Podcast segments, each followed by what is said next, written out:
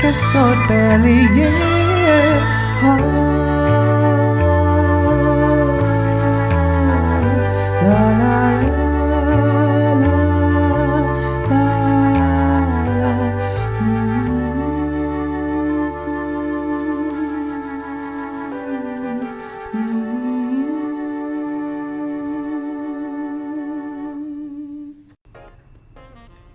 guys, welcome back to my podcast Balada Hotelier Season 2 Ketemu lagi nih bareng gue, host paling fenomenal Yang ada di dunia podcast di dan hotelier juga nih ya. Gimana nih kabarnya?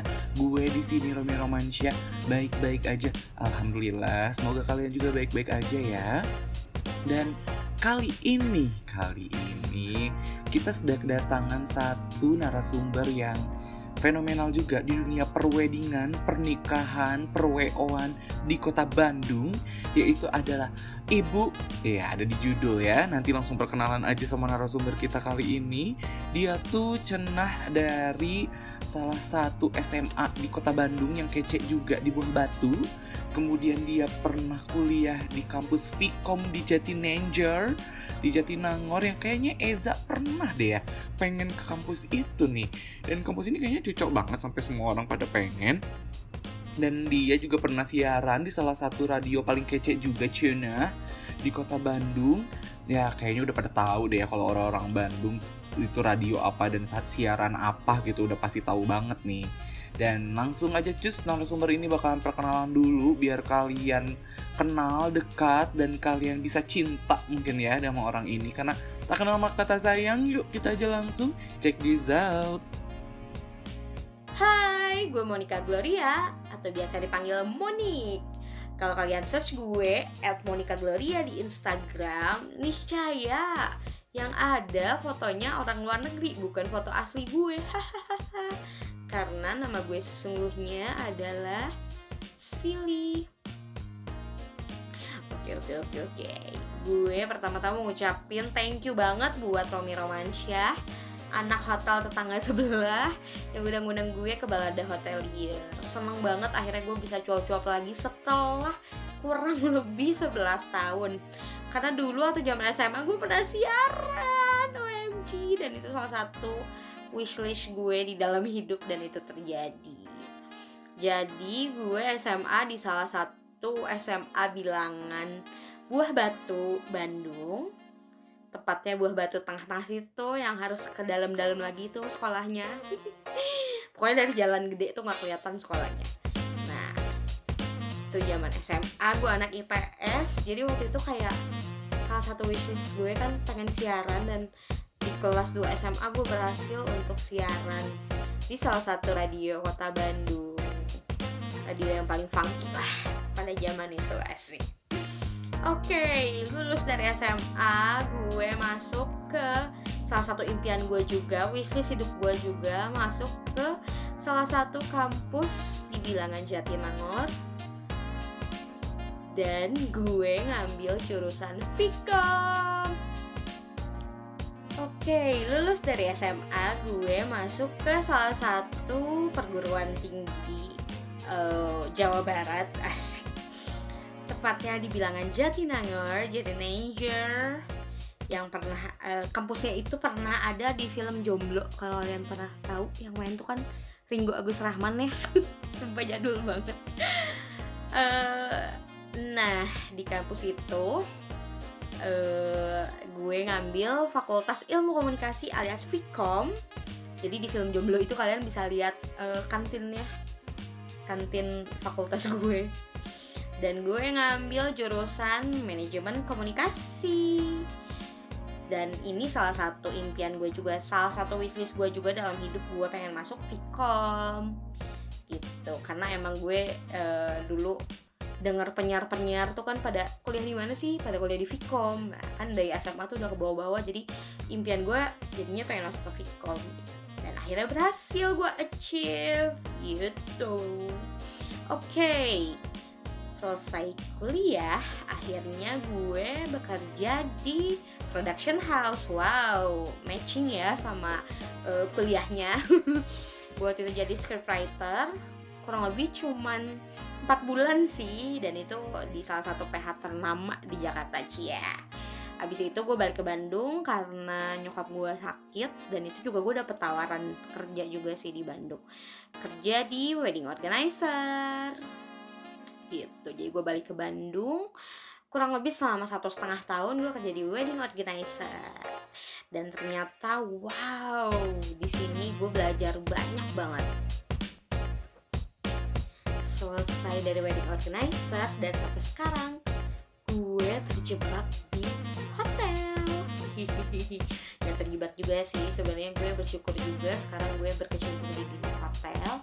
Gue sales wedding di salah satu hotel bintang 5 yang berada di tengah-tengah kota Bandung cie. Bisa di uh, tebak lah ya hotel apa. Oke okay, um, kok bisa sih gue berkecimpung di dunia hotel? Padahal kan background gue sama sekali bukan hotel ya. Kalau dibilang hotelier juga sebenarnya gue ngerasa nggak layak sih dibilang hotelier karena ya tadi gue gak punya background hotel sama sekali. Ya enak dong ya sama temen-temen yang emang kuliahnya pariwisata gitu kan. Secara gue anak baru di dunia hotelan uh, setahun di hotel rasanya gue masih belajar sih. Bukan bukan completely udah jadi hotelier gitu rasanya. Tapi gue ngerasa gue masih banyak belajar. Gitu. Nah balik lagi tadi kenapa gue bisa berkecimpung di dunia hotel? Jadi awalnya nggak pernah sama sekali terlintas di pikiran gue kalau gue akan kerja di hotel. Gitu kan. Oke kenapa gue bisa berkecimpung di dunia hotel? Um, awalnya waktu gue di wo setelah satu setengah tahun kerja gue ngerasa gue pengen nyobain bidang lain gitu. Gue anaknya emang pengen suka explore gitu pengen nyobain sesuatu yang baru pengen nyobain ini itu gitu.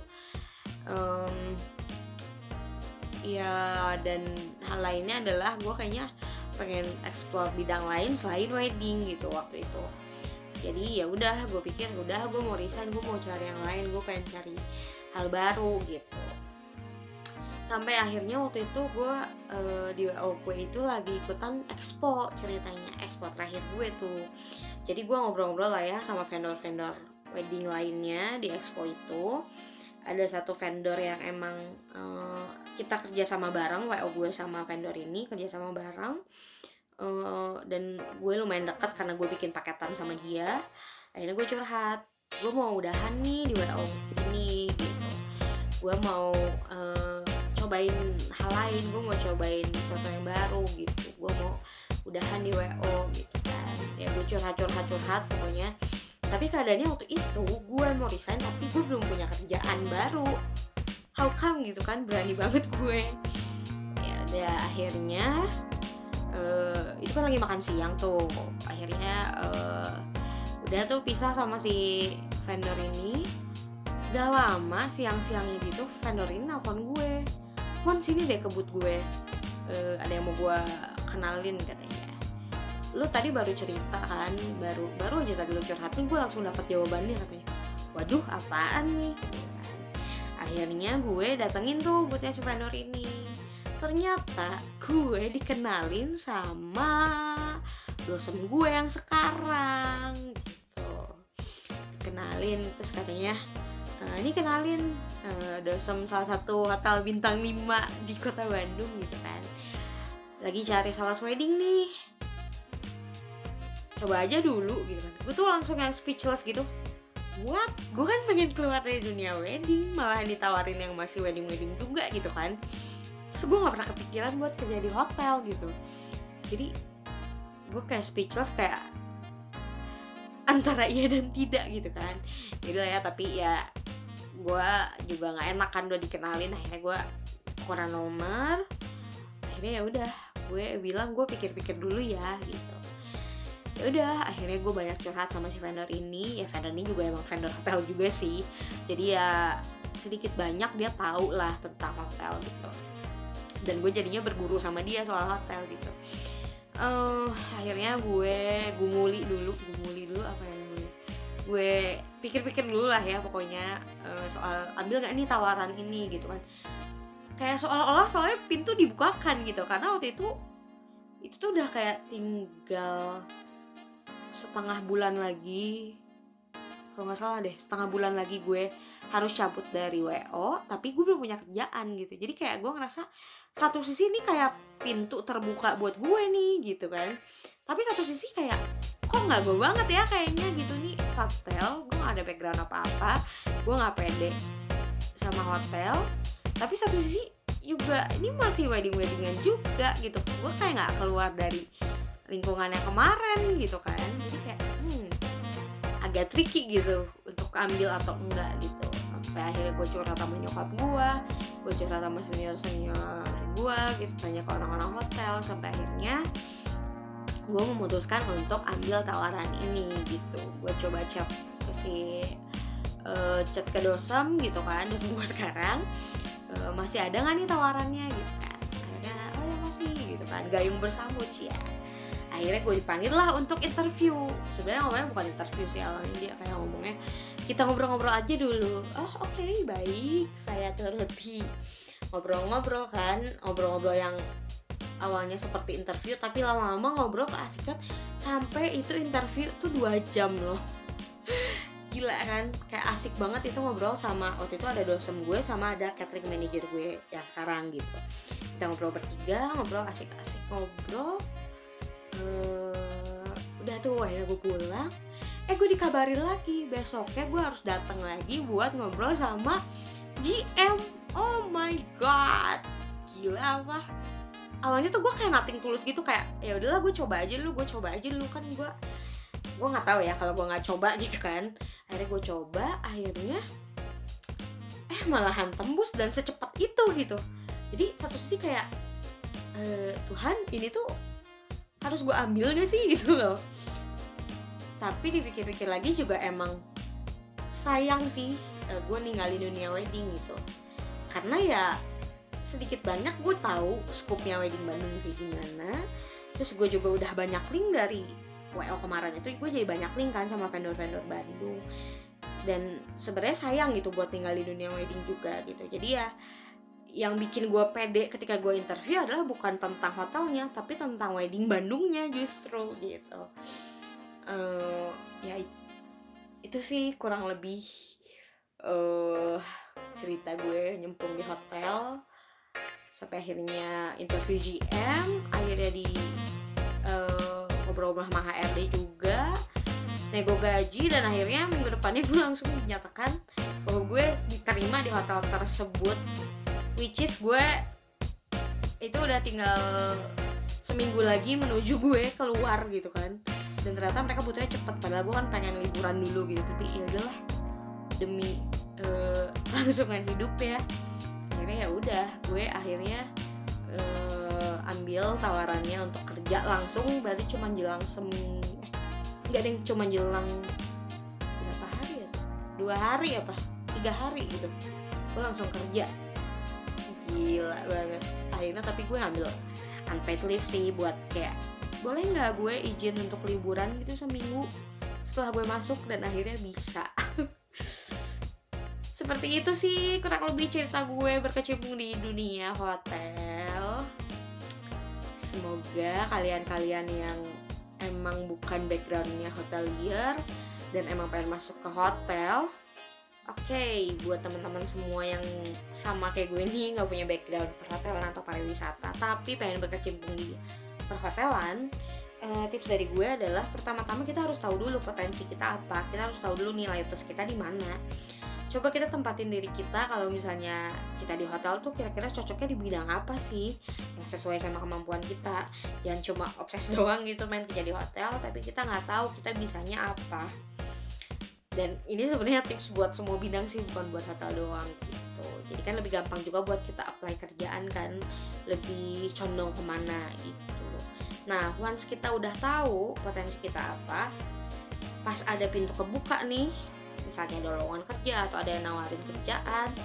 Nah kita tuh jangan takut coba tapi kita eh, hajar aja gitu kita coba aja gitu. Karena kita nggak pernah tahu kalau kita nggak coba kan kayak gue gitu.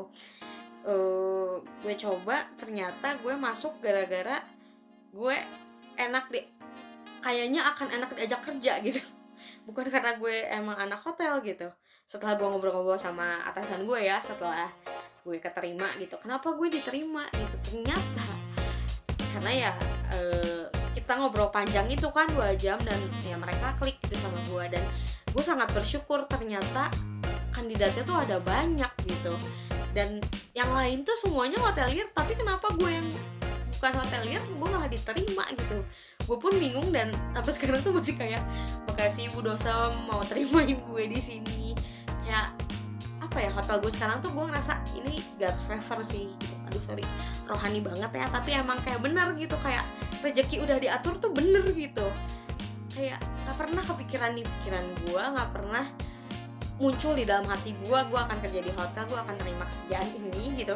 Tapi ternyata gue bisa survive sampai satu tahun ini untuk kerja di hotel. Dan ternyata gue cinta gitu dunia hotel. Gue bisa ngikutin eh rhyme-nya gitu kayak gitu sih.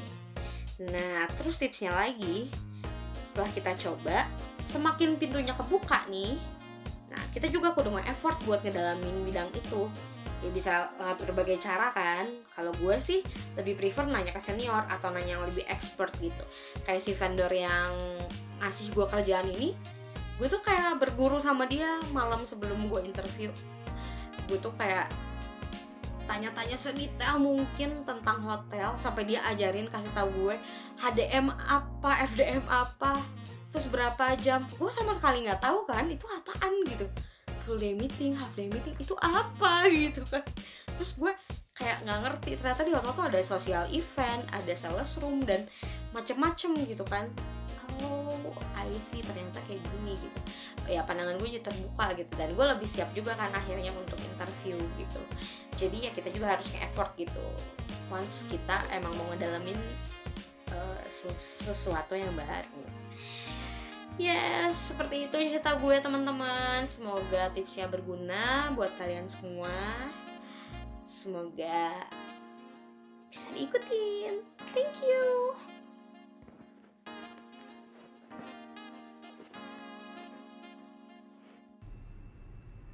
Hey hey hey, balik lagi sama gue. Dan gimana nih perkenalan dari Silly ya?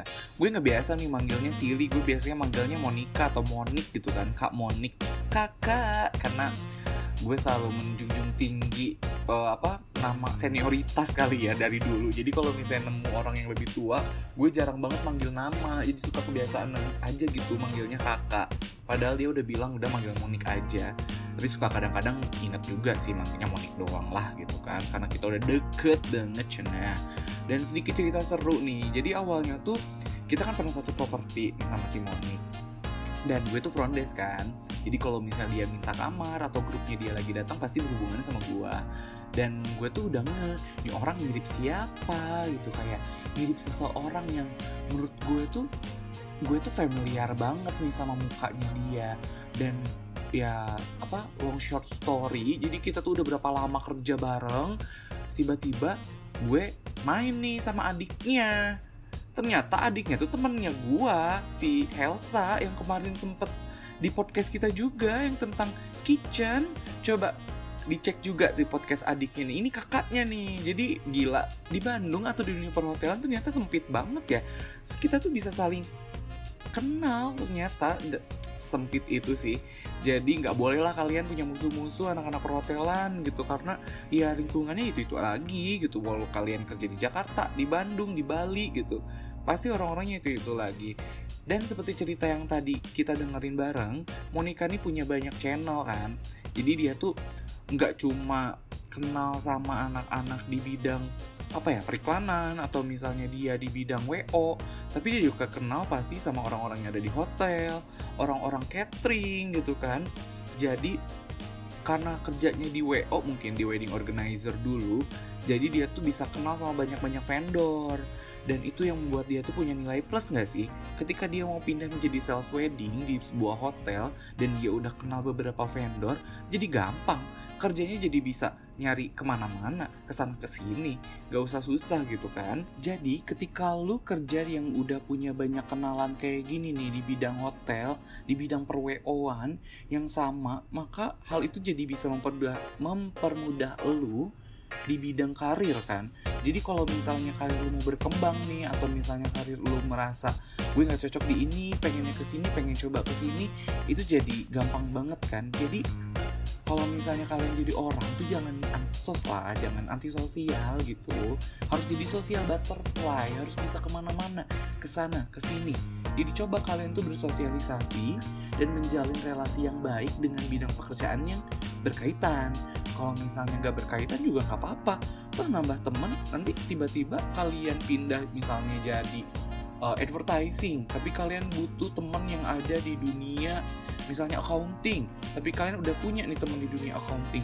Enak kan dan gampang juga nih jadinya. Nanti kalau misalnya kalian untuk uh, punya project-project ke depannya Oke langsung aja kita dengar untuk sesi selanjutnya.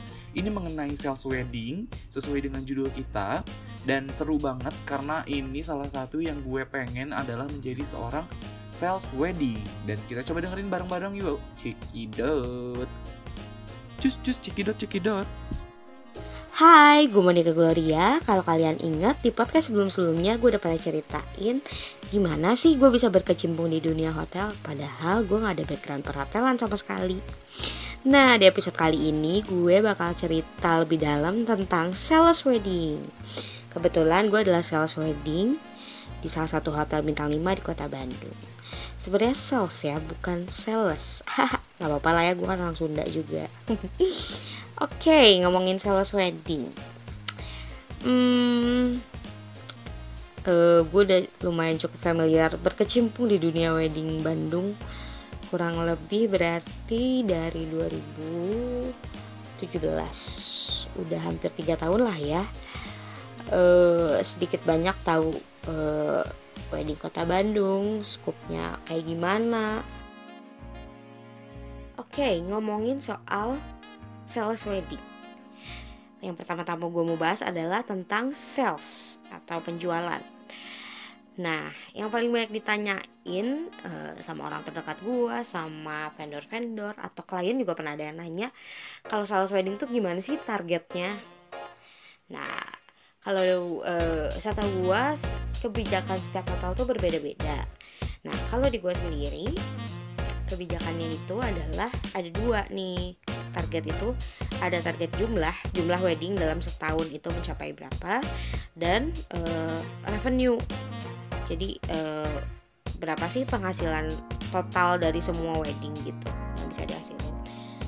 Nah setahu gue tuh setiap hotel ber, ber, berbeda-beda kebijakannya. Ada yang targetnya per tahun ada yang targetnya per semester ada yang targetnya per bulan. Kalau di gue sendiri targetnya itu per tahun seperti itu selain ngomongin target yang paling banyak orang kepoin juga adalah ada insentifnya gak sih? Nih biasanya ini e, departemen lain sih yang suka nanya. Dan suka banyak yang sotoy juga gitu kan. E, balik lagi kebijakan tiap hotel berbeda-beda. Ada yang setiap salesnya itu dapat insentif uh, kayak misalnya achieve target dia akan dapat gitu. Nah tapi kalau di gua sendiri di hotel gue sendiri gak ada insentif untuk salesnya. Jadi ya tok gaji pokok dan juga uh, service gitu. Sebenarnya ini bisa dilihat sih ciri-cirinya yang mana yang ada insentif atau enggak uh, menurut gue sendiri gue pribadi uh, bijak sih di hotel gue nggak menerapkan sistem insentif. Karena uh, apa ya jadinya bakal kompetitif banget antar sales. Nah yang tadi gue bilang bisa dilihat tuh dari setiap hotel kalau salesnya kompak kalau salesnya uh, kelihatan gitu ya saling saling saling apa ya, saling saling nge-build saling backup satu sama lain nah itu kelihatan tuh emang gak ada persaingan di dalamnya. Tapi kalau yang emang gak solid yang gak nggak nggak nggak apa ya nggak kelihatan bisa kerja bareng nah itu mungkin ada insentif. Tapi ini dari kacamata gue ya. Eh ya ada untungnya juga sih sebenarnya nggak ada insentif kalau menurut gue. Karena itu jadinya nggak kompetitif jadinya satu sama lain bisa saling backup satu sama lain. Eh bisa saling bantu. Nggak ada sikut-sikutan lah ya gitu. Dan jadinya kan lebih solid juga timnya. Hmm, ngomongin soal insentif eh, ini banyak banget yang ngira eh, apalagi departemen lain yang suka kepo gitu ya. Ah sales mah dapat eh, dapat insentif gitu sales dapat insentif. Dan ini tuh berimbas sama eh, event-event gue gitu sama wedding-wedding gue. Misalnya eh, ada wedding satu yang ribet banget dan packsnya banyak gitu. Pasti aja ada celetukan dari anak bangket lah atau dari kitchen atau dari mana departemen-departemen lain gitu yang "Eh, mana tuh uang rokoknya? Mana tuh eh, uang kopi? Nah pasti banyak yang relate kan. Nah yang mereka tahu tuh kadang mereka tuh ngiranya kita tuh dapat insentif padahal kenyataannya enggak gitu kan.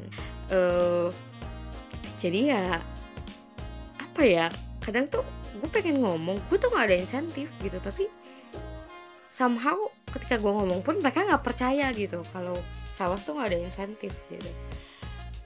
Aduh jadi kayak serba salah sih somehow.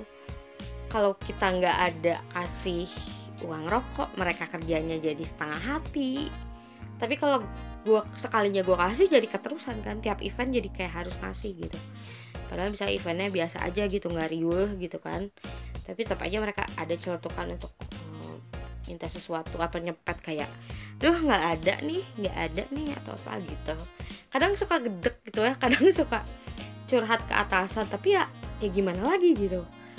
Ini yang terjadi di lapangannya gitu ini yang eh, terjadi gitu di realitanya ya. Ada ada ada gimana ya? Ada tabur ada tuai gitu kali ya. Eh, ada ada ada eh, give and take gitu kan jadi kalau misalnya keras dan kerasa gitu emang ketika gue ngasih lebih ke mereka gitu kayak ya gue nge-treat beda ke mereka gitu. Mereka tuh kerjanya jadi yang oke mon gue bantuin gitu-gitu. Jadi kayak ini suka dukanya sih jadi salah wedding kayak gitu. Tapi kan kadang ya ya udah mau nggak mau gue ngeluarin duit dari kocek gue sendiri gitu kan dari uang gue sendiri gitu. Which is ya ya udah mau nggak mau apalagi kalau eventnya ribet kayak ya udahlah gitu kayak gue berkorban demi kelangsungan event gue gitu kan. Karena ya gue pengen ya apalagi wedding ya gue pengen semuanya berjalan dengan smooth dengan lancar gitu. Nah pengennya kan semua juga event berjalan dengan lancar ya nggak ada miss apa pun gitu. Eh, event kita udah bikin sedita mungkin kita udah cek-cek lagi kita udah cross check semua tapi suka ada aja force major bener gak sih suka ada aja yang miss di satu part gitu kan. Dan yang paling males adalah mengcover kesalahan orang lain. Ceng ceng. Misalnya kita udah udah udah udah rapi banget tuh ya event tuh udah diurusin rapi banget sampai meluangkan waktu lebih gitu kan. Untuk eh take care event ini tapi salah di departemen lain misalnya atau ada force major gitu kan. Itu udah paling mas kalau cover kesalahan aduh entah makanan telat lah atau salah pembayaran lah atau salah lagi atau apalah gitu. Ada aja kan ya. Sampai gue juga pernah force major itu adalah backdrop roboh apalagi gue ada tempat outdoor kan jadi kayak di situ tuh anginnya kencang banget jadi kayak beberapa kali sempet backdrop runtuh. Bahkan pernah ada nimpa penganten untung acaranya udah selesai. Astaga kayak gitu kan maksudnya ya bukan gue yang bikin salah tapi kan gue harus take care event gue gitu kan kayak yang aduh posisinya itu udah kabok banget lah kalau kayak gitu kan.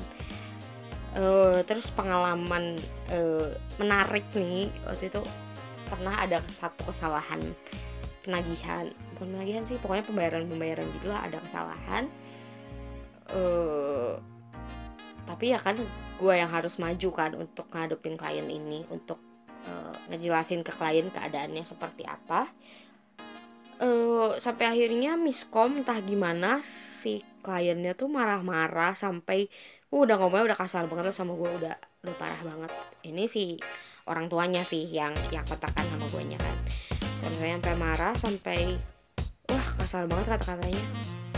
Udah tuh ya gue udah minta maaf minta maaf segala macam eh berapa lama kemudian beberapa bulan kayaknya berapa bulan kemudian dia maksa mau datang ke hotel dong si orang tuanya ini.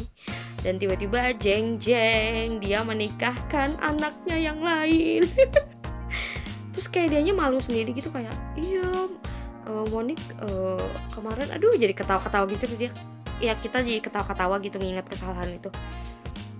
Ke si miscommon itu gitu kan. Udah gitu gue dalam hati mau gue tolak gue butuh revenue tapi kalau gue terima juga nih bakal rese gitu kan. Aduh jadi kayak serba salah banget harus gimana nih? Tapi ya udah akhirnya deal tapi dengan banyak permintaan dan dia mengungkit-ungkit kesalahan yang lama gitu. Jadi kayak how come lu udah menjilat ludah lu sendiri gitu istilahnya ah tapi ya apa daya ya demi revenue? Kan ya harus ditelan tuh yang kayak begitu-begitu tuh. Buat wedding sendiri gue nggak pernah mau main-main. Kenapa? Karena pertama gue belum menikah. Dan kedua emang wedding kan emang hal yang sakral gitu menurut gue. Hal yang apa ya? Iya once in a lifetime gitu buat setiap orang. Ya walaupun ujung-ujungnya nggak tahu juga ya bakal sekali atau enggak cuman kan at least kita kasih yang terbaik gitu buat nge-serve klien-klien kita ini. Ya kerasa banget kerjanya ketika gua ngerjainnya tulus dan gua nggak tulus gitu ngerjainnya. Kalau kalau dari awal si kliennya udah ribet gitu ya banyak bawel si kliennya. Kayak nggak percaya sama kita segala sesuatu dicek segala sesuatu sedetail mungkin dicek. Itu tuh kayak somehow mempertanyakan juga kan gue lu percaya gak sih sama gue lu percaya gak sih? Lu udah bayar DP lu lu percaya gak sih kita bakal kerja sebaik mungkin buat event lo? Gitu kan. Karena ya kalau gue sendiri karena gue belum nikah kan jadi ya gue nggak mau lah eh ngeribetin event orang. Maksud eh gue nggak mau nipu atau bikin sesuatu yang tidak baik di wedding orang. Karena ya gue juga gak mau itu berbalik ke gue gitu. Ketika gue wedding ternyata ada pihak-pihak yang eh, apa ya melakukan tidak baik gitu di wedding gue gue juga gak mau gitu. Jadi ya eh, saran untuk kalian semua yang belum menikah pilihlah vendor yang belum menikah. Nggak juga sih ini. Eh, ya jadi gue harus kerja setulus mungkin harus kerja benar-benar dari hati. Apa ya? Seolah-olah itu wedding gue. Gue inget banget pertama kali waktu gue interview sama GM gue titip pesan dari eh, GM gue titip pesan eh, take care your wedding ah, sorry take care your client wedding as your own wedding. Itu tuh gue tuh kayak mau nangis tau gak sih? At the moment dia ngomong gitu itu kayak titipan yang berat tapi somehow gue ngerasa itu tuh kayak tugas mulia gitu buat gue jadi ya ya udah diemban aja gitu tugasnya di, diterima aja gitu tugasnya dengan eh tulus gitu dengan dengan bener-bener dilakuin sepenuh hati gitu. Karena kalau kalau nggak ada hati di situ ya susah sih menurut gue. Ya emang sih kerja nyari uang tapi kalau misalnya lo nggak sepenuh hati juga ngerjainnya kan udah lu nya ngerjainnya kesiksa Eh, terus pasti keseret-seret lah ke belakang-belakang ada aja masalah ya nggak sih? Kayak gitu. Jadi ya gue sih berusaha setulus mungkin se- sebaik mungkin ngerjainnya. Supaya nggak balik ke gue kalau ada kesalahan. Gitu.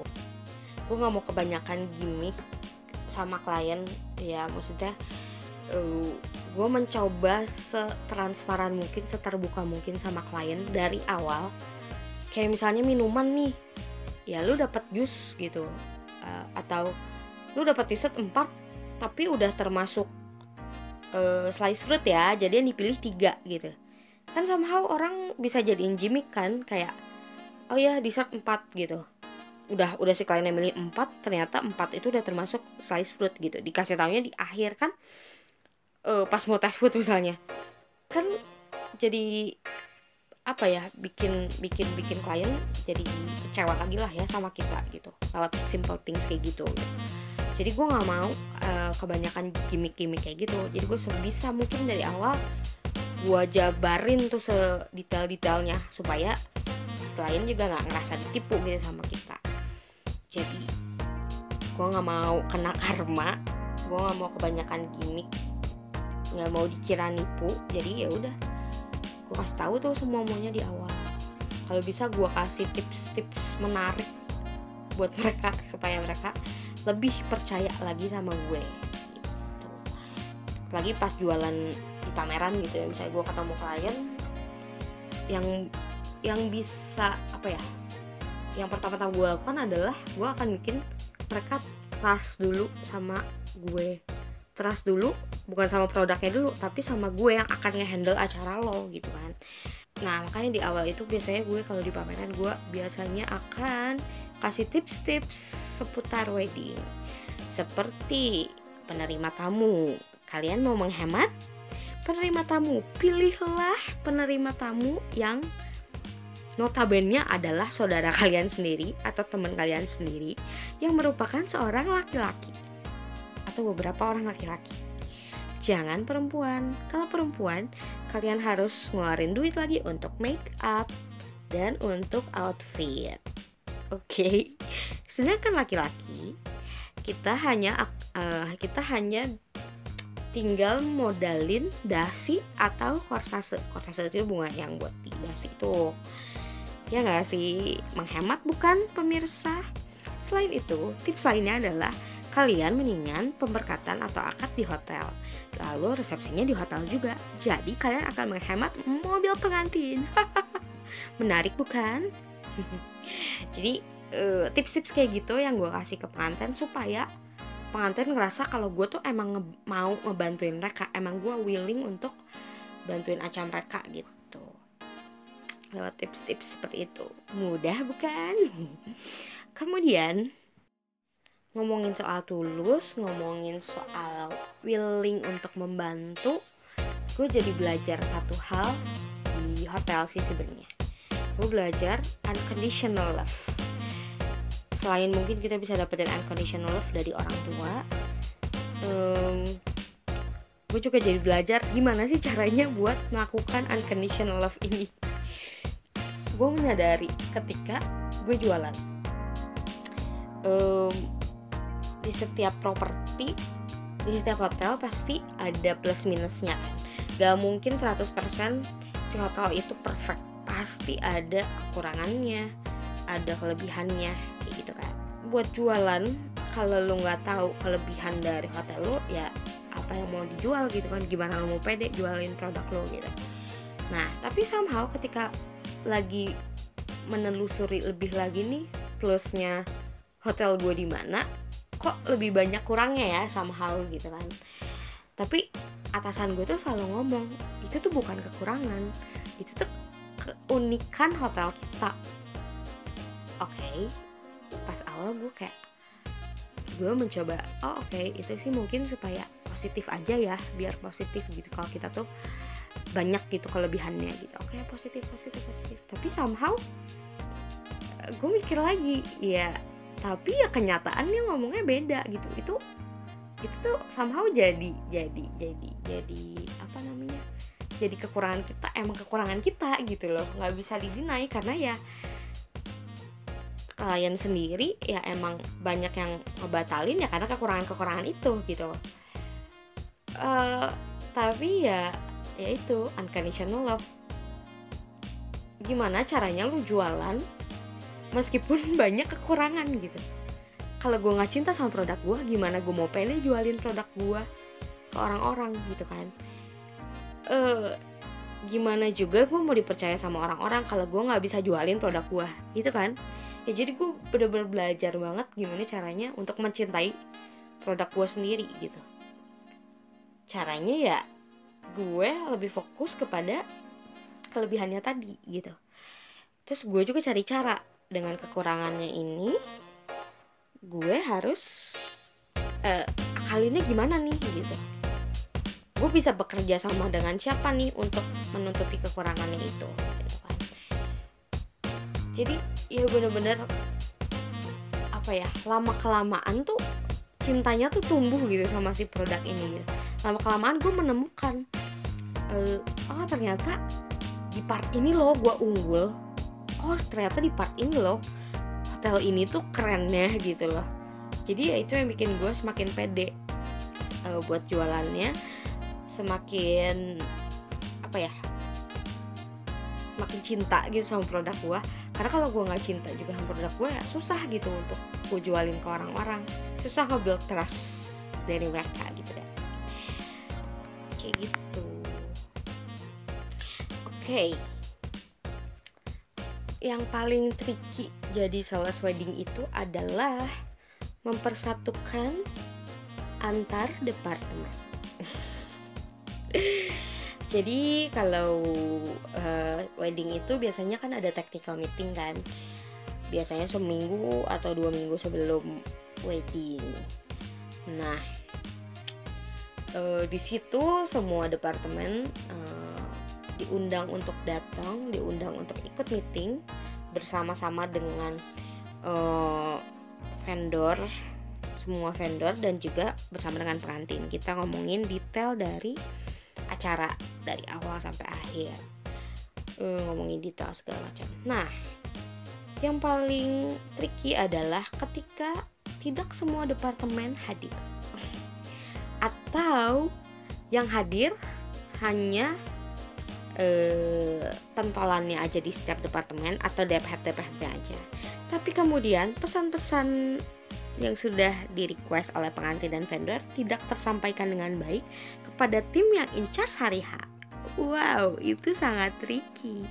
That's why BO doang nggak cukup. Dan juga somehow teknik doang tuh nggak cukup. Jadi PR terbesar uh, ngurusin wedding adalah untuk mendevelop informasi dengan baik ke setiap departemen.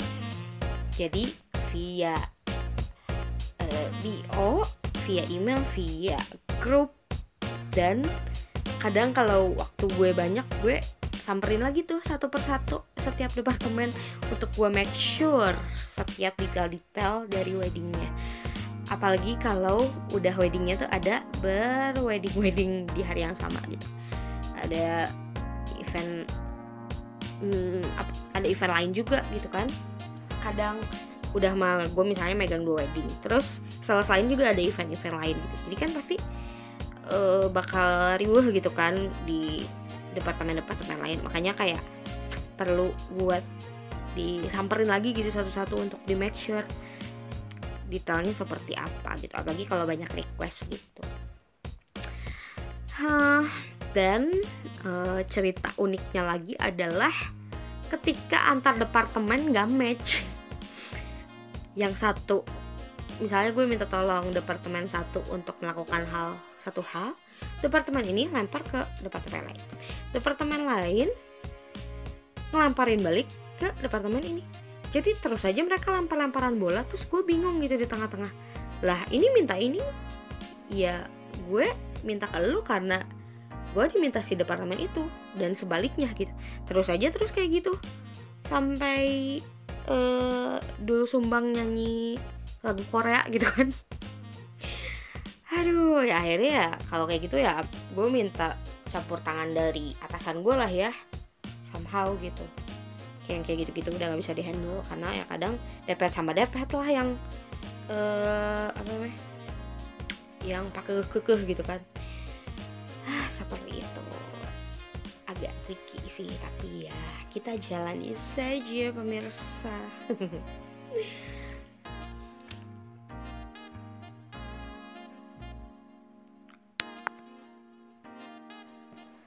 Sekarang gue mau ngomongin tentang jam kerja gimana sih jam kerja di tempat gue? Eh, sama sama juga sih kebijakan Jakarta pasti beda-beda. Ada yang hari Senin dikasih liburnya tapi weekend masuk. Nah kalau di gue sendiri gue weekend uh, libur. Jadi kerjanya adalah 52 lima hari masuk dua hari libur. Tapi kalau gue weekend ada event ya gue masuk.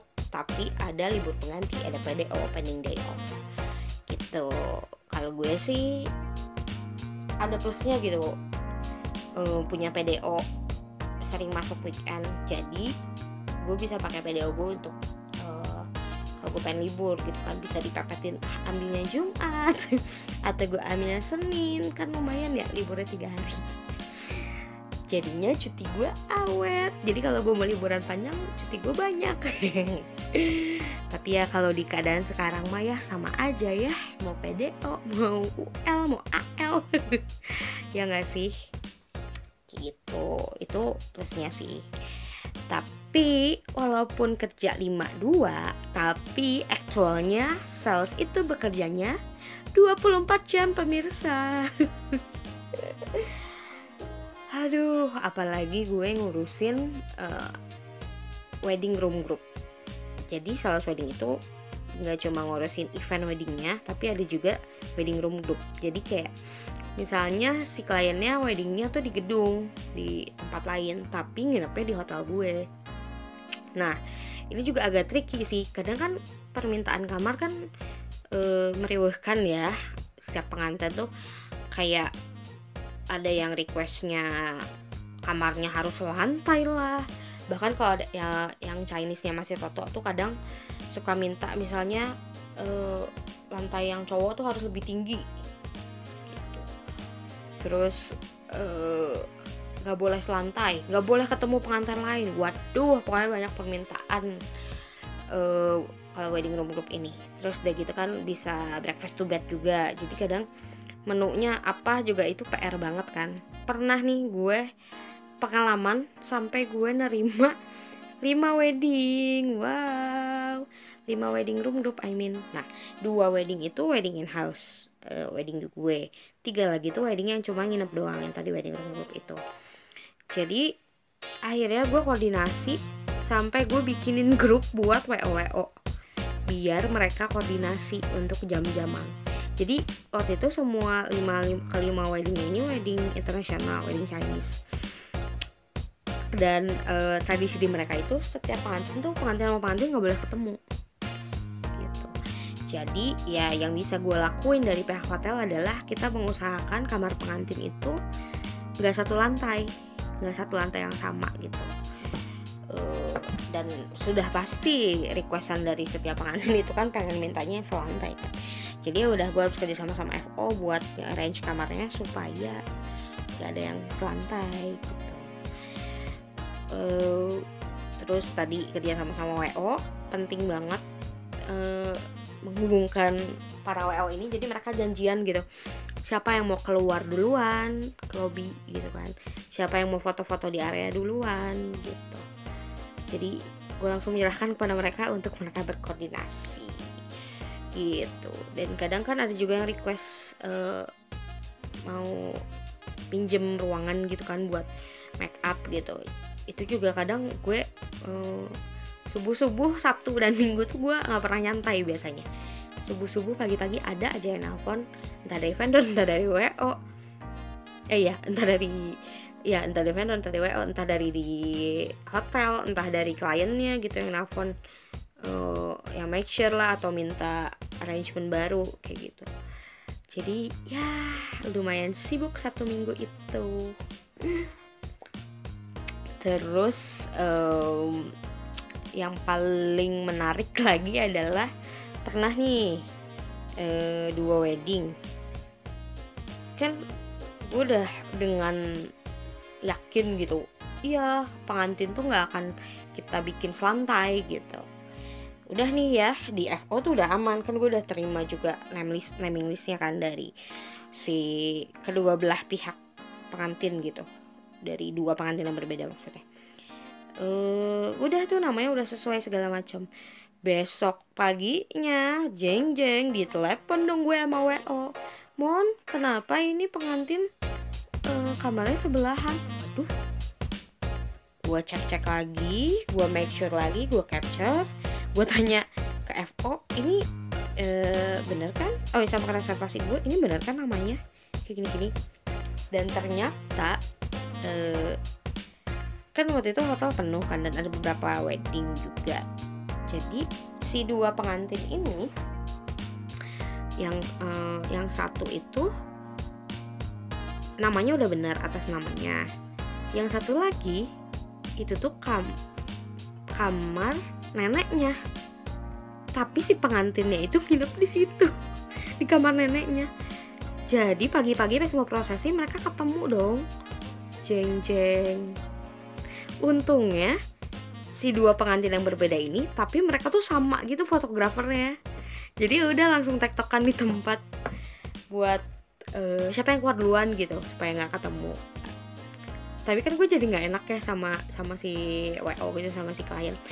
Ya gimana gitu itu bukan dari kita kesalahannya. Ini sudah benar tapi ya ternyata si pengantinnya yang pilih tidur di kamar neneknya gitu kan. Aduh itu lucu banget sih.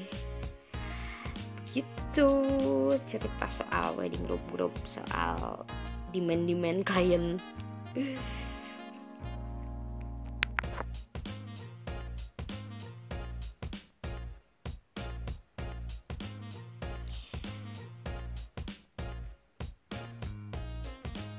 suka duka jadi sales wedding. Nah wedding itu kan musiman ya. Ada masak-masaknya gitu nggak nggak selalu setiap bulan eh, emang musim wedding gitu. Kalau kalau event kan kalau meeting kan emang ya selalu rame gitu kan selalu selalu ada gitu alasan untuk orang meeting gitu. Kan kalau wedding kan ada waktu-waktunya nih. Em, kayak Januari baru tahun yang baru biasanya orang eh, jarang yang wedding. Kalaupun ada sedikit dan eh, kalau buat yang Chinese biasanya kalau misalnya di Januarinya ada Imlek biasanya mereka nggak akan wedding. Gitu. Eh, Februari Maret mulai ada yang wedding. April biasanya kalau April ini puasa biasanya nggak ada tuh. Nggak ada wedding. Nah kalau buat yang Chinese April itu adalah bulan eh, bulan sial. Karena April itu angka 4 kan. 4 itu menurut kepercayaan Chinese adalah sial gitu. Jadi eh, jarang banget. Biasanya hampir nggak ada sih yang wedding bulan April. Gitu untuk yang Chinese. Terus em, kalau kalau Mei juga sama. Kalau misalnya masih periode puasa eh, jarang yang wedding mau eh, mau yang internasional atau yang tradisional. Terus masuk ke Juni Juli Agustus kalau buat yang tradisional lumayan banyak. Apalagi kan setelah puasa ya gitu. Terus masuk September Oktober November Desember ini udah mulai bulan ber ber ber ber ber. Bulan di mana jarang yang wedding outdoor kecuali mau sewa pawang hujan tapi bulan ber ber ber ber ini adalah bulan-bulan yang diminati untuk wedding. Entah karena tradisi entah karena sugesti atau apa pun tapi emang bulan ber ber ber ber ini biasanya disebut bulan nikah sih karena banyak orang nikah di bulan ber ber ber ber ini. Nah buat kalian yang belum tahu eh, buat eh, kepercayaannya muslim di muslim itu ada yang namanya bulan safar. Nah bulan safar itu setiap tahun berbeda-beda bulannya bulan apa. Biasanya di bulan safar itu nggak boleh menikah untuk yang muslim. Jadi buat kalian yang mau nikah coba tanggal itu dipikirkan sebaik mungkin. Jangan cuman eh, asal pilih atau tanggalnya bagus doang tapi benar-benar dipertimbangin eh, plus minusnya. Iya enggak sih kalau yang Chinese biasanya ada yang ngitung tanggal. Gitu. Jadi kadang ada yang weddingnya tuh tiba-tiba hari Jumat gitu misalnya atau hari Kamis. Pasti tanya kenapa? Ya ngitung tanggal. Oke. Gitu. Terus banyak juga yang eh, apa ya ya kayak gitu ngitung tanggal tapi itu orang tua yang nentuin tapi mereka kayak ikut aja gitu. Ada yang pasrah kayak gitu. Jadi kadang lucu juga sih ngadepin klien yang eh, berbeda-beda kayak gitu. Apalagi ya soal bulan wedding ya eh kadang suka dukanya itu seolah-olah gue tuh kerja nggak eh, gimana ya jadi ada masanya gue kelihatan kerja terus tapi ada masanya juga gue kelihatannya nggak kerja gitu. Karena kan ya tadi eh, si wedding ini ada ada seasonnya kan. Jadi kalau lagi emang musim wedding kelihatan kerja terus kan kayak nyiapin perintilan wedding kan. Tapi kalau misalnya lagi enggak ya paling gue telesel telesel atau jualan gitu kan. Kelihatannya kayak gabut gitu. Itu sih suka dukanya. Ya orang kan tapi nggak tahu ya. ya cuman ya kalau dilihat lagi ya eh ya emang wedding musiman dan emang ada target jadi ya udah yang penting target gue achieve gitu kan. Kalau tadi gue udah bahas banyak ya tentang hmm, kegiatan dari dalam hotel eh, cerita-cerita dari dalam hotel sekarang gue mau ceritain tentang vendor gathering. Yeay. Ini acara yang paling bikin excited sih karena vendor gathering itu kayak Sweet Seventeen buat sales wedding. Serius deh itu tuh gue tuh kayak kayak diulang tahunin tau gak sih? Kenapa? Karena ya vendor gathering kan ya lo bikin acara buat kepentingan lo sendiri kan. Which is gue bisa pilih temanya gue bisa pilih vendornya MC-nya mau siapa pengisi acaranya mau siapa konten acaranya kayak gimana terus mau pilih hadiah-hadiahnya apa aja souvenirnya mau apa. Seru seru banget uh, nyiapin vendor gathering ini. Tapi banyak hal-hal tricky juga di balik vendor gathering. Seperti yang tadi gue udah ceritain ada dua section. Uh, di wedding ada section internasional dan ada section tradisional. Nah ketika vendor gathering biasanya gue akan bikin survei kepada 12 section ini. Gue akan bertanya gimana kalau vendor gatheringnya digabungin? Most of all jawabannya adalah gak apa-apa bisa kok bisa kok bisa kok. Tapi pada kenyataannya ketika digabungin uh, kebanyakan gak mingle gitu. Jadi ya untuk tahun ini sebenarnya rencana gue adalah emang mau bikin dua kali vendor catering untuk yang internasional sama yang tradisional. Tapi ya sedih banget sih bulan April ini kan harus seperti ini ya harus ya hotel nggak bisa adain event dan segala macam. Jadi ya sad. Padahal gue udah pikirin mau bikin ini mau bikin itu. Ah tidak jadi guys. Ya udah deh. Jadi uh, gue mau cerita soal tricky tadi. Karena ada dua section ini. Jadi uh, pertama gue uh, bingung kan tadi harus digabungin atau enggak dan akhirnya gue memutuskan untuk dipisahin. Terus uh, kebingungan gue kedua adalah ketika memilih siapa aja yang diundang. Dan biasanya kalau vendor gathering itu uh, dari hotel gue bisa biasanya suka ngasih free kamar untuk vendor-vendor gitu kan untuk bisa stay experience di kita gitu kan. Supaya bisa dijualin lagi ke klien-klien mereka gitu. Cuman ya itu tricky banget. Uh, kayak lo kalau ngasih cuman lo ngasih ke vendor-vendor tertentu yang lain gak dapet gimana nih? Gitu kan. Kayak serba nggak enak gitu. Jadi kayak aduh serba salah lah pokoknya kalau ini yang diundang uh, yang ini gimana ya? Yang ini nggak diundang yang ini gimana? Gitu deh. Jadi uh, kadang serba nggak enak gitu. Dan misalnya nih gue jadi ngundang vendor-vendor yang yang misalnya vendor-vendor itu dekat sama gue tapi sebenarnya dia tidak berdampak banyak gitu sama hotel gue gitu. Nggak nggak bawa nggak bawa uh, klien lah ya buat kita itu kan pasti kan jadi tanggung jawab gue juga kan sebenarnya dan pasti akan ditanya sama atasan gue lo ngundang yang ini bawa dampak apa?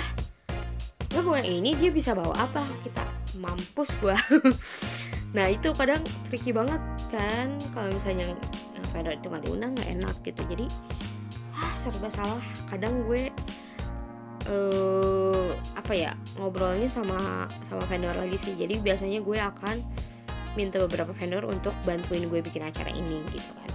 Supaya berlangsung dengan lancar dan supaya jalannya lurus jalannya eh, apa ya aman gitu lancar gitu.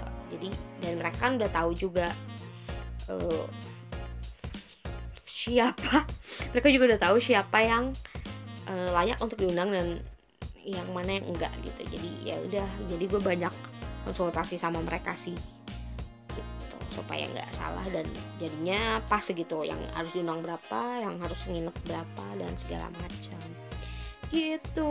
Kadang kan hmm, kalau dari atasan gue sendiri atau dari tim kita sendiri mintanya itu misalnya yang dikasih saya experience itu lebih ke WO karena dianggap WO itu yang akan membawa klien.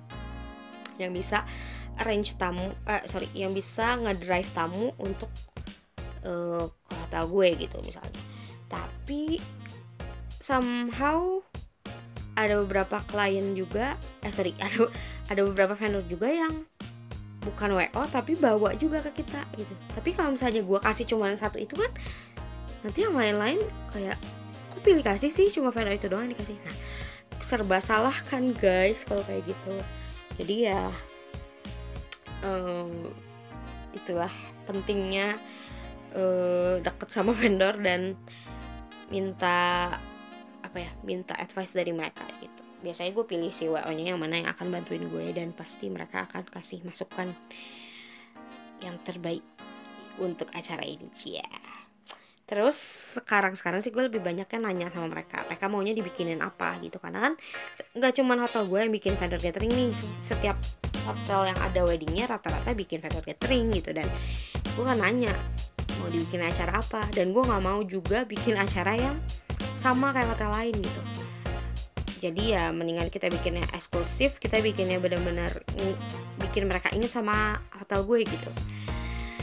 Eh, jadi benar-benar kena juga gitu eh, yang mau apa tujuannya di vendor catering ini buat lebih banyaknya sih vendor catering soft selling ya kalau di gue sendiri. Jadi kayak gak gak banyak kayak gue misalnya meeting gitu kita kayak ada presentasi yang setengah jam gitu untuk menjelaskan produk kita no nggak akan didengerin gitu sama vendor. Tapi lebih banyak ya itu dikasih stay experience biar mereka ngerasain eh, pengalaman mereka nginep di hotel kita tuh kayak gimana supaya bisa dijelasin sama kliennya. Terus kita bawa juga untuk eh, muter untuk showing eh, buat site inspection setiap part-part yang dipakai buat wedding gitu dari hotel kita jelasin kelebihan keunggulan dari kita apa gitu. Part-part keunikan kita juga yang mana gitu supaya eh, bisa disampaikan lagi sama ke klien gitu lewat vendor.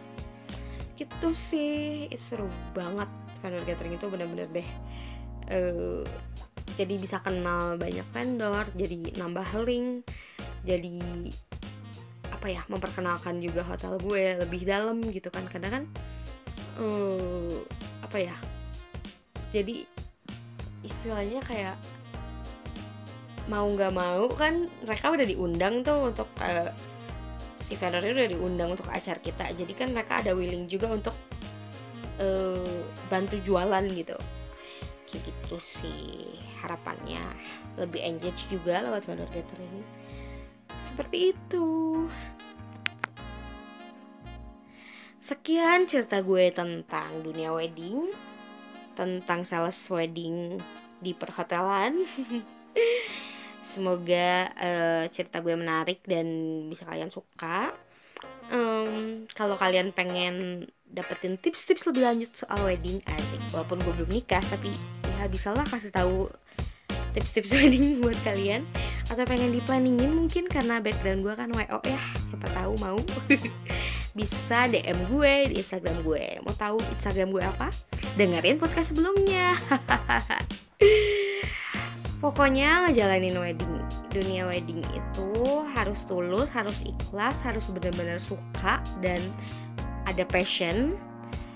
Eh, karena ya kalau kita nggak lakuin yang sungguh-sungguh ya ujungnya pasti ada aja masalah dan gue nggak mau itu terjadi juga di wedding gue makanya setiap wedding gue akan pelakuin seperti gue melakuin melakukan untuk wedding gue sendiri. Segitu aja cerita gue. Thank you yang udah ngedengerin. Dan thank you juga buat Romi Romansyah, Balada Hotelier. Bye-bye.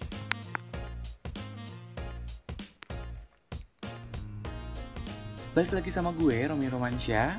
Jadi tadi sesi yang menarik banget ya, karena kita jadi tahu di belakang-belakangnya nih sales wedding itu seperti apa, yang nggak pernah punya kepikiran nih sales wedding itu kerjaannya kayak gimana. Misalnya kalian baru fresh graduate atau kalian dari departemen lain yang pengen coba sales wedding seperti apa, tadi tuh ceritanya. Karena ternyata untuk di sales wedding sendiri itu ada target nih ternyata di weddingnya itu ya udah pasti sih semuanya itu udah pasti ada target. Tapi targetnya ini menurut gue adalah sebuah target yang bikin kita semangat menurut gue ya. Karena targetnya beda sih masing-masing properti itu kayak gimana ya. Tapi kalau misalnya targetnya membuat kita jadi wah ini nih target misalnya harus dapat tiga wedding satu bulan belum pasti kan misalnya tiap bulan ada yang nikah tapi gimana caranya kita untuk mencari dan untuk memasarkan produk yang kita punya produk wedding yang kita punya ke orang-orang? Dengan cara apa? Dengan cara kita tuh tahu dulu nih properti kita kayak gimana tahu dulu apa yang kita jual dan tahu juga gimana sih cara orang-orang tuh uh, pengennya konsep wedding tuh seperti apa gitu. Kita harus tahu dulu deh market kita tuh sebetulnya tuh ke orang-orang yang kayak gimana dan gue sendiri tipe orang yang sebetulnya nggak terlalu suka nih kerja sama target.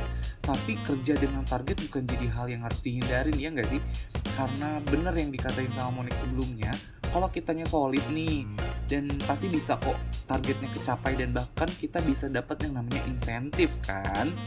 Tuh tapi nggak semua sales dapat insentif ternyata. Jadi jangan kerja dengan yang katanya bener sih ada uang rokok lah apalah inilah yang kasarnya tuh kayak suap gitu. Padahal bukan misalnya kayak uang pelicin gitu kan ya.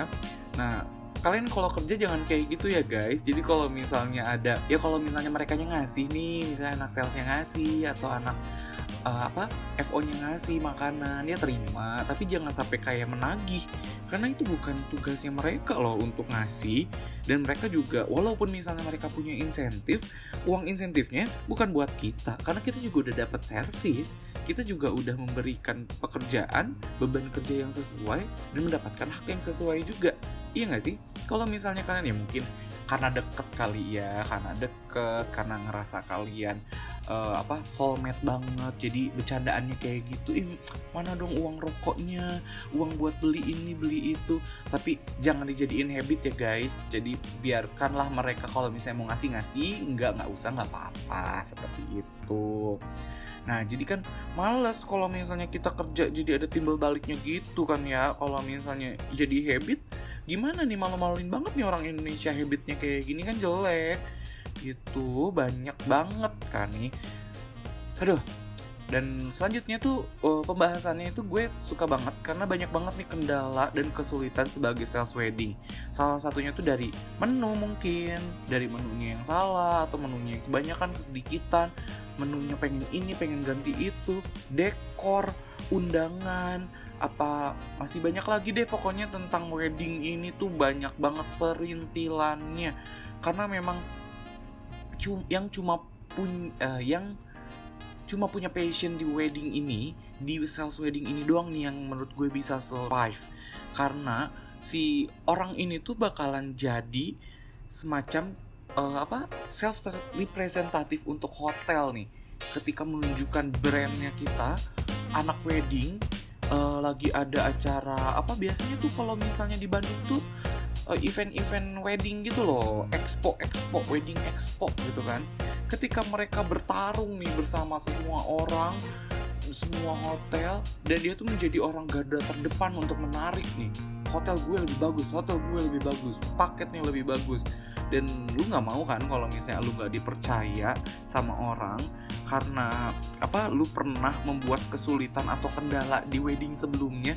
Nah, jangan sampai ya guys. Dan jadi bahas wedding kayak gini tuh sakral banget sih menurut gue. Karena wedding itu sendiri benar tadi kata uh, apa kata Monik bahwa ini tuh kan satu kali seumur hidup ya ya nggak ada siapa sih yang mau pengen nikah seumur hidup dua kali gitu. Pasti pengennya satu dan terbaik. Itu kenapa semua perintilannya semua bidang-bidang yang ada di wedding itu dia pasti pengen dengan sempurna dengan terbaik.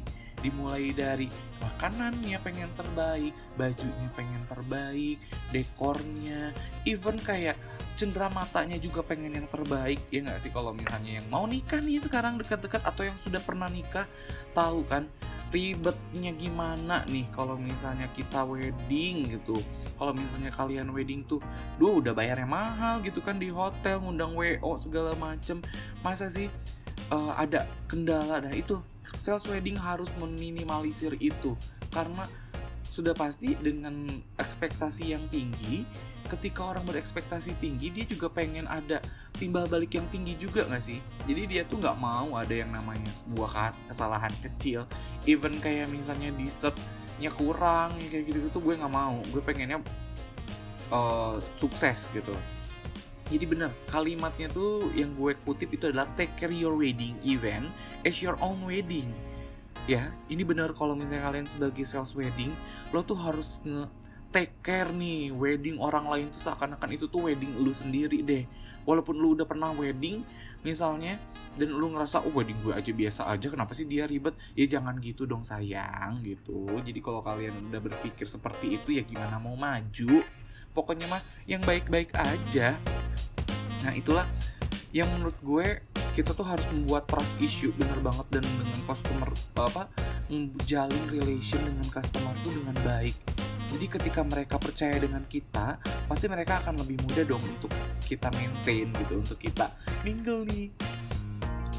Kita atur ke sini ke situ ajak ini ajak itu gitu kan. Jadi akan lebih gampang nanti. Apalagi untuk masalah pembayaran nanti di akhirnya. Ada loh wedding udah bayar baru setengahnya ngerasa weddingnya gagal dia nggak mau bayar selanjutnya. Bisa jadi hati-hati ya kan jadi sekian topik kali ini. Semoga kalian makin semangat untuk jadi sales wedding kayak gue. Dan semoga kalau di luar sana ada anak-anak sales wedding yang mendengarkan juga boleh dong ajak-ajak gue gitu kan. Jadi bisa nih. Gue juga bisa lah jadi sales wedding. Nah, dan enggak tuh. Belajar dulu kita belajar dulu bareng-bareng ya. Thank you banget untuk Monik yang udah share untuk pengalamannya menjadi sales wedding yang baik itu seperti apa cina ya. Jadi seperti biasa Thank you banget untuk semuanya yang udah dengerin juga. Kalau misalnya kalian mau share pengalaman kalian, bisa ke Instagram gue di @romiromansyah atau Balada Hotelier di @baladahotelier ya. Stay healthy, stay positif. Bye bye.